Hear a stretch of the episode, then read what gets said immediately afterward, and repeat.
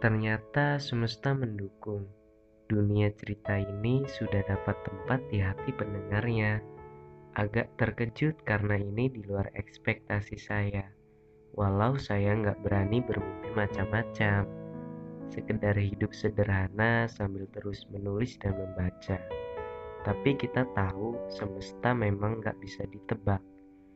Hmm, bicara tentang semesta yang berkaitan dengan hidup manusia, saya jadi teringat sama momen yang walau sudah lama sekali, tapi masih tersimpan rapi.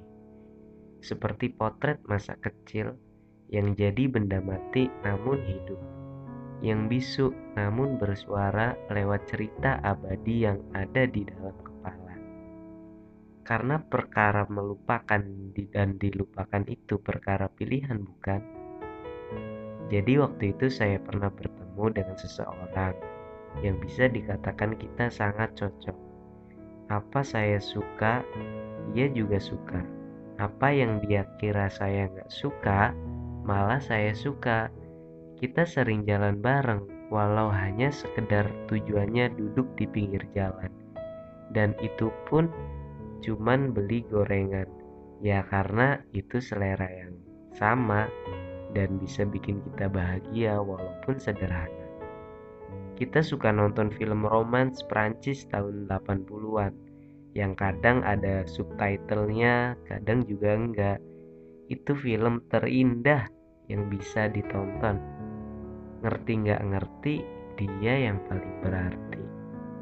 Nggak pernah ada perdebatan, semuanya sama dia adalah versi saya yang lain, yang lebih baik.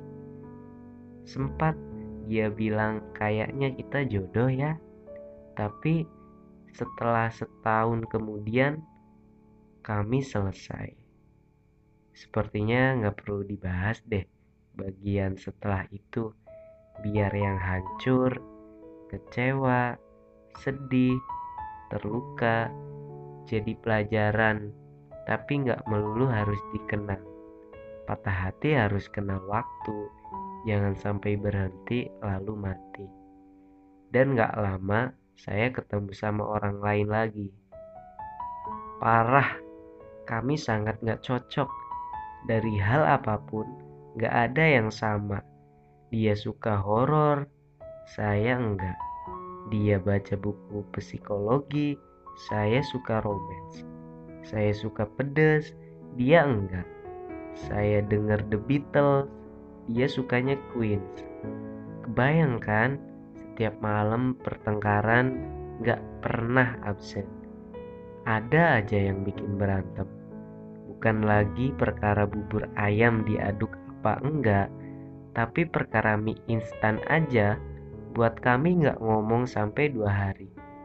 Hal kecil jadi besar apalagi berdebat tentang bulan yang paling indah, padahal yang didebatkan adalah bulan yang sama.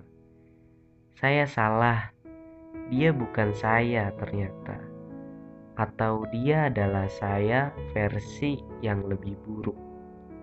Tapi ajaibnya, sampai detik ini masih saja semuanya nggak ada yang berubah. Masih bertengkar, masih nggak mau kalah, masih kami yang beda, dan ternyata perbedaan itu titik temunya. Hadirnya dia membuat saya mengerti bahwa saya nggak bisa cerita sama seseorang yang isi kepalanya sama kayak saya. Saya butuh teman bertengkar. Saya butuh orang yang menyebalkan. Saya mau semuanya itu beda. Sampai semesta sendiri yang buat kita jadi satu.